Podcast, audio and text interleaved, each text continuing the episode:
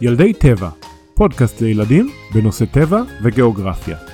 כתב ומספר עמרי גלבר. היי hey ילדים, מה שלומכם? וואו, כבר uh, הספקנו לא מעט. למדנו על עצים, על הרים, על ציפורים, על הים והאוקיינוס, על נחלים ונהרות, על עונות השנה, ואפילו על הפצת הזרעים של הצמחים. איזה עולם נפלא ומעניין. בפרק הזה, וגם בשני הפרקים הבאים, בא לי שנחזור אחורה בזמן. כמה אחורה? המון. ממש המון. להתחלה. מוכנים?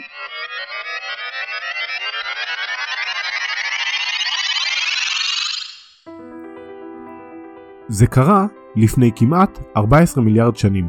הוא היה קטן כל כך, בגודל של גרגר חול. אבל אז הוא התפוצץ. וגדל וגדל, ולמעשה הוא עדיין גדל.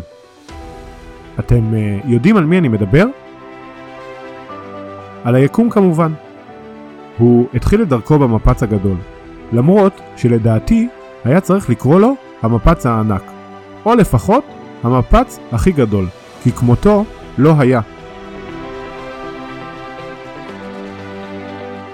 עם היווצרות היקום, הכל היה בבלגן, בערך כמו החדר שלכם בסוף יום. כל מיני חתיכות חומר וענני גז התעופפו בחלל והתנגשו אחד עם השני. לאט לאט, וזה באמת קרה מאוד לאט, לאט זה מיליארדי שנים, כל החומרים והגזים האלו החלו להתגבש ולהצטופף להמון המון ערפיליות, שזה בעצם ענן ענק של גזים ואבק, וגם להתחלק לגלקסיות, שחוץ ממילה מגניבה, זו קבוצה ענקית של כוכבים.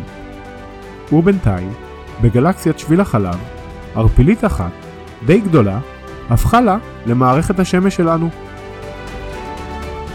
רוב החומר בערפילית הפך להיות השמש, אבל חלק מהחומר המשיך להסתובב סביב השמש, ולאט לאט התגבשו להם כוכבי הלכת שאנחנו מכירים היום. מבין כוכבי הלכת שנוצרו, יש כוכב אחד חמוד וסילי. הוא השלישי במרחק מהשמש, אחרי חמה ונוגה, הוא די קטן, ושמו כדור הארץ. מכירים? היום אנחנו נתרכז בו, בכוכב הלכת החמוד והכחול שלנו. נלמד איך הוא נוצר, איזה תנאים היו בו בתחילת דרכו, ובשני הפרקים הבאים גם נלמד איך התפתחו החיים, מיצורים פשוטים בגודל מיקרוסקופי ועד ליצורים ענקיים כמו דינוזאורים ויצורים מורכבים כמו בני האדם. כמונו.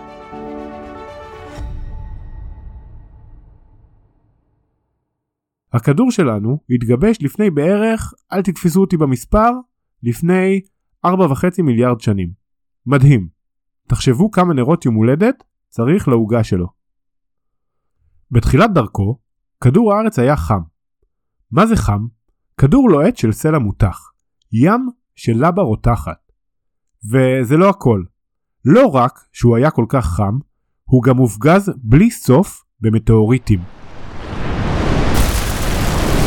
ממש מקום קסום. כל זה נשמע מאוד מפחיד, אבל תדעו שיכול להיות שמשהו חשוב מאוד הגיע יחד עם ההפגזה הגדולה הזו.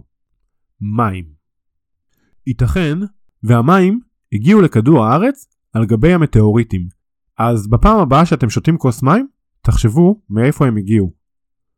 ורוצים לשמוע עוד דבר משוגע? הירח, מכירים אותו? הוא לא היה פה בהתחלה.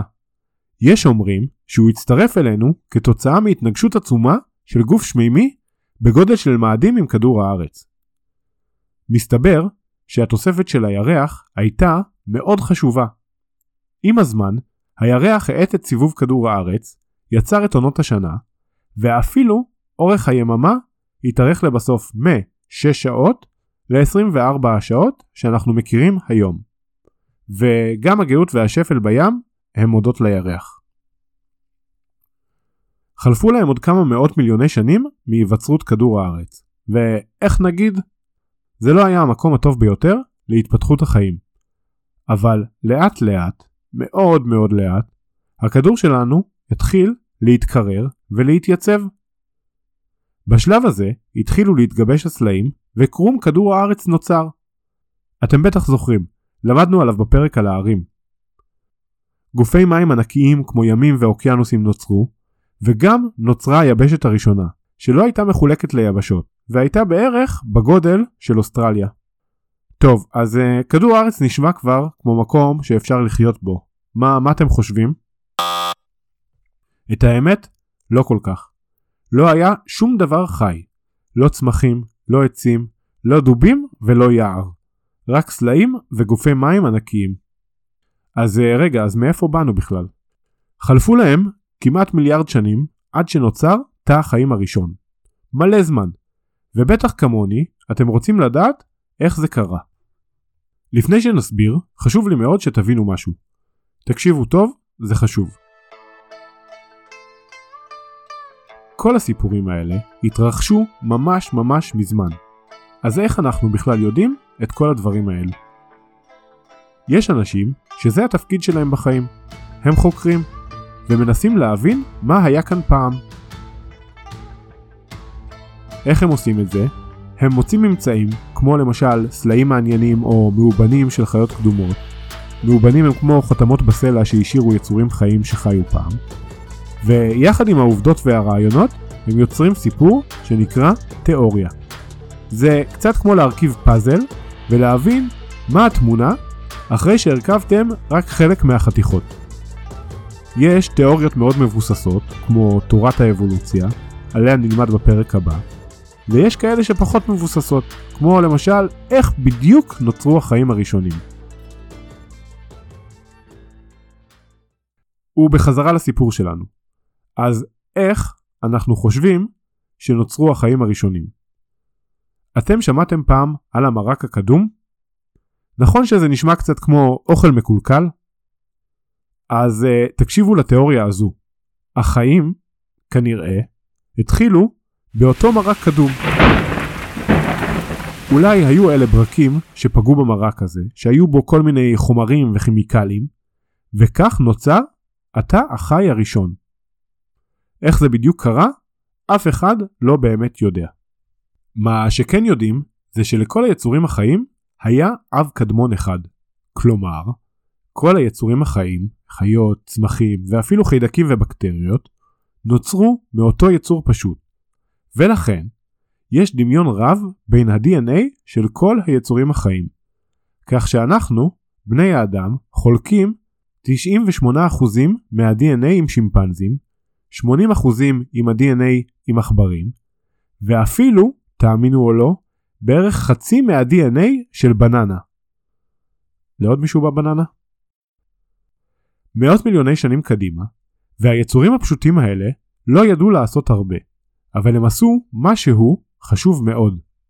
הם לקחו שמש והפכו אותה לסוכר בתהליך שנקרא, מי שיודע מקבל פרס מההורים שלו,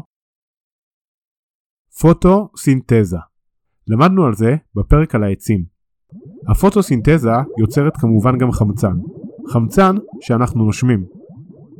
עד אז כמעט ולא היה בכלל חמצן בכדור הארץ. עכשיו, אומרים שהיצורים האלה ייצרו כל כך הרבה חמצן, עד שלבסוף השתנו התנאים בכדור הארץ, וחיים רבים שהיו בו, בעיקר חיידקים ובקטריות, נכחדו. אולי אתם מכירים עוד חיה, פחות קדומה, שפולטת כל כך הרבה גזים שמשנים את התנאים בכדור הארץ. רמז? לא סתם, אני לא מדבר על הפרה, ברור שאני מדבר עלינו, על בני האדם. החמצן גם גרם להתקררות כדור הארץ, שכנראה הפך לכדור שלג ענק. העולם קפא. פרוזן. ואז אנה ואלזה באו, וסתם אני סתם. העולם קפא, ונשאר קפוא לאורך תקופה מאוד ארוכה. ושהוא הפשיר, שוב כנראה כתוצאה של אה, פעילות געשית, הוא כבר היה משהו אחר. שכבת האוזון ששומרת עלינו מהקרינה של השמש התפתחה, ועכשיו כדור הארץ מוכן לחיים חדשים. וזה לקח לו רק 4 מיליארדי שנים. יפה מאוד. נראה לי שמספיק לפרק אחד. היה קצת קשה, נכון? אבל uh, כל הכבוד לכם שהקשבתם עד כאן. אני חושב שמגיע לכם מחיאות כפיים. בואו נסכם רגע. למדנו איך נוצר היקום, איך נוצר כדור הארץ, איך התחילו החיים הפשוטים במין מרק קדום, ואיך נוצרו התנאים להיווצרות חיים מורכבים, כאלה שממש אפשר לראות בעין. החיים שאנחנו מכירים.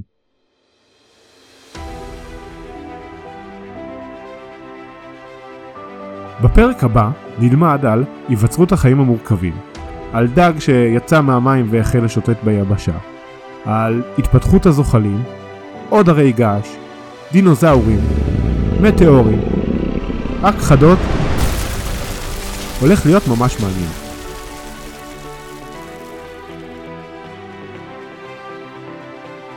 וכמו שאמרתי, אה, זה באמת היה פרק קשה, אה, ואני רוצה להודות לכמה אנשים שעזרו לי לכתוב אותו. אז אה, תודה ענקית לאור אליאסון ממכון ויצמן, שעזר לי לדייק את כל העובדות. תודה לשר רוזנפלד על הדגישים והרעיונות. ותודה מיוחדת לאימא שלי, רותי, יקירת הפודקאסט, שעוזרת בכל שלב. ובקשה אחת, את סדרת הפרקים הזו לקח לי המון המון זמן לכתוב. אז uh, עכשיו, במידה ואתם לא נוהגים, אתם uh, מוציאים את הטלפון, נכנסים לפייסבוק, מחפשים ילדי טבע ועושים לייק, זה הכל. ונתראה בפרק הבא.